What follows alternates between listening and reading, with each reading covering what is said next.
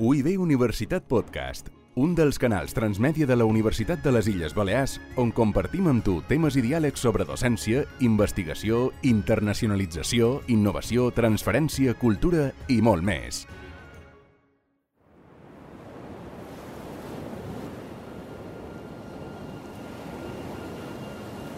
Algú que va ser a la vegada filòsof, poeta, místic, teòleg, activista, a més de ser considerat com el pare del català, i que va viure en una època en la qual Mallorca era un encreuament de cultures, un lloc on convivien cristians, musulmans i jueus, podria ser equivalent a allò que avui en dia coneixem com un referent social?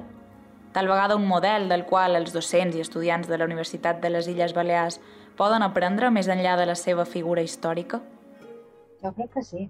Jo crec que sí que va ser un model social i és un model social, perquè la seva obra, al cap i a la fi, d'allò que tracta és de problemes humans, no? de l'home com a, no diré centre del món, però pràcticament, i la relació amb el món. No?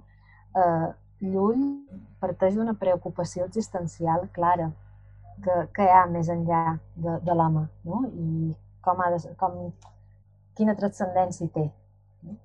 Eh, la seva actuació jo crec que sí que va ser modèlica, entre cometes, eh, en el segle XIII, perquè des del moment que tenim tota una colla de personatges que allò que volen és imposar, ell se dedica a convèncer, a argumentar per convèncer, i aquí hi ha la gran diferència. És a dir, Llull no, no vol que una cosa sigui així perquè ell ho ha dit o perquè ho diu un altre. Mm. Ha de ser així en funció dels arguments que duen en aquesta conclusió. I per això va ser un model. I per això és un model, perquè actualment encara vivim en una societat en què el diàleg no sempre aflora, no sempre hi és, i la imposició encara té un llarg recorregut. No?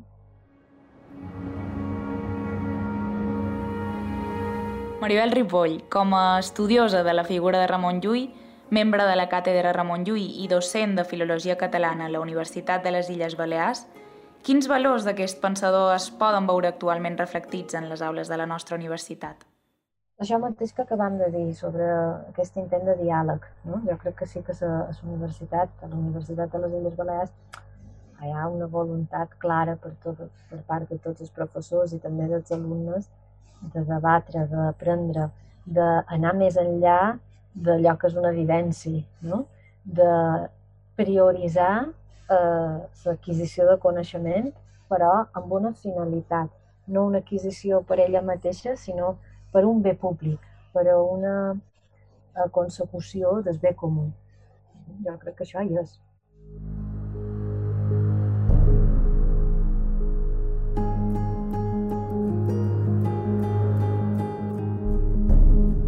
Vivim en un món on la imatge és molt important. Una part d'aquesta la configuren, de fet, els símbols. Elements com la lluna i el mar lulians estan presents en el logotip i també en l'emblema de la Universitat de les Illes Balears. Mos podries comentar quin significat tenen? Són, és a dir, bàsicament l'escut de la família Amat, de la família que procedi, eh, és a dir, de, de la part materna de Llull. I bé, és, té tota una tradició que va ser l'emblema que va agafar eh, la Universitat Literària de Mallorca en la seva fundació perquè era una universitat de referència lul·liana a partir dels dos estudis generals que s'havien fundat per l'estudi de l'obra de Llull. Per tant, això ve d'aquesta època del segle XV, bàsicament.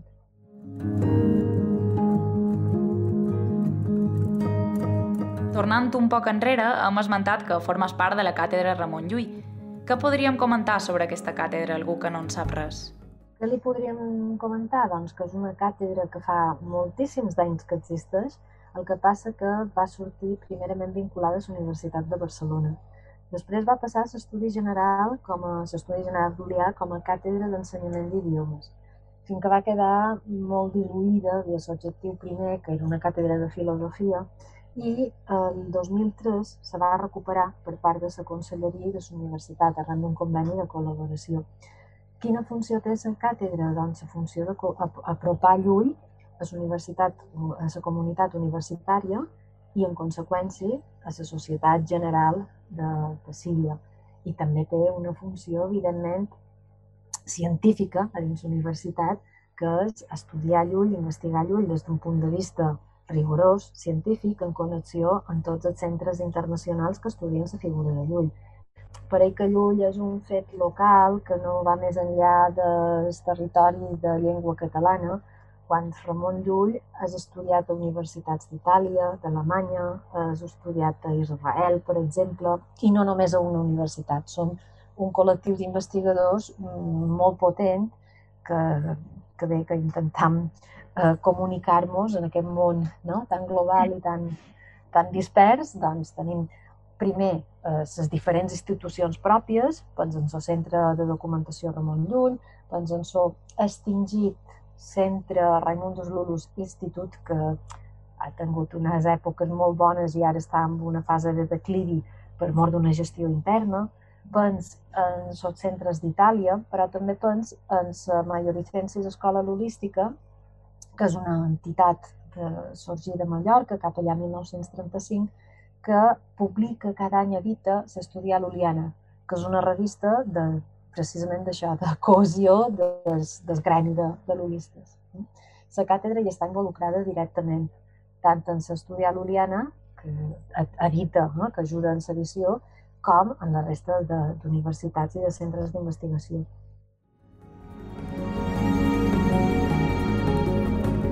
Seguint un poc dins el món acadèmic, la Universitat de les Illes Balears rep cada any a tota una sèrie d'estudiants d'arreu que participen en programes d'intercanvi internacional.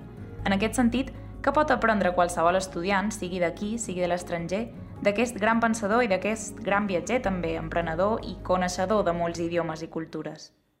Pot aprendre això, precisament, que Llull no se va posar mai barrera a, a res, al contrari, per arribar al màxim de públic possible, al màxim de lectors, i per tant, per assolir aquest objectiu del bé públic, del bé comú, allò que fa Llull és eh, escriure en llatí si fa falta, escriure en català si fa falta, segons el tipus de receptor que té, um, adaptar-se en totes les estratègies literàries possibles, és a dir, d'una banda fer eh, novel·la, però fer tractats eh, artístics, no? que, que tracta el tema de l'art, molt complexos, amb moltes figures, amb molts esquemes.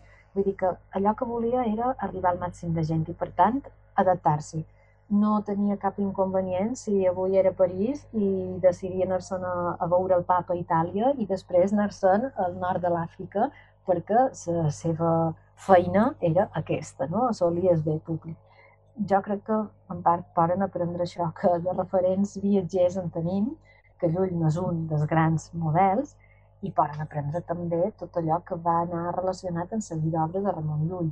No? És, de vegades molt sorprenent, perquè precisament són els estudiants que venen de l'estranger que mostren un interès més, més evident no? per aquesta figura i quan els expliques un poc en què va consistir la vida de Llull, que ja de per si és espectacular, mm i llavors tenim l'obra que va desenvolupar, doncs, i, i sobretot la sobre, sobre el lulisme, la part lulista, no? que, que fins ara perdura una tradició de 600-700 anys, doncs queden meravellats.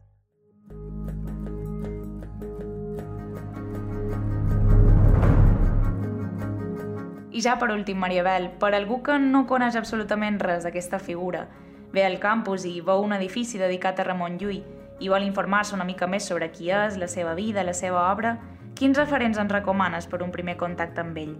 Ja sigui pàgines web, documents audiovisuals, llibres...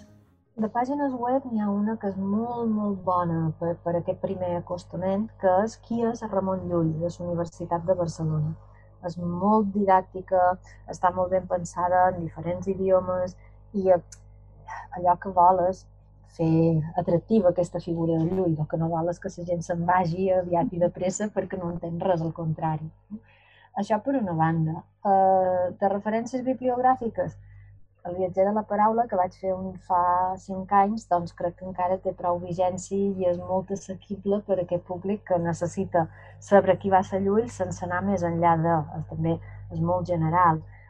Una bona cosa que jo crec que hem de potenciar molt i que eh, per les circumstàncies diverses que hi ha hagut, ha quedat per aventura un poc en, en segon pla, és, és, és, dos documentals que se varen fer i 3 durant Sant Llull. D'una banda, Ramon Llull, que era un documental de set capítols molt, molt ben documentat, molt ben elaborat, i d'altra banda, la sèrie de dibuixos animats que va fer la Universitat de les Illes Balears, l'edat, i la càtedra Ramon Llull. Jo crec que són uns materials molt bons, molt ben fets, molt ben pensats, i que, per exemple, entre els infants tenen molta repercussió jo crec que això ens pot ajudar molt. N'hi ha més, eh? vull dir, això són, serien els bàsics, els que, els que sempre recorrem a l'hora de convidar qualcú a entrar a Can Llull i, i que s'hi recreï una estona, no? però en trobaríem moltíssim d'altres. Mm, també en funció del grau d'interès. Evidentment, això per un públic molt general eh, va molt bé, però per un públic que ja requereix un coneixement més, més tècnic, per exemple, la base de dades Ramon Llull també seria important. No sé, el documental aquest en que m'he referit també ja entra un poc més enllà de, de la dimensió purament personal del personatge.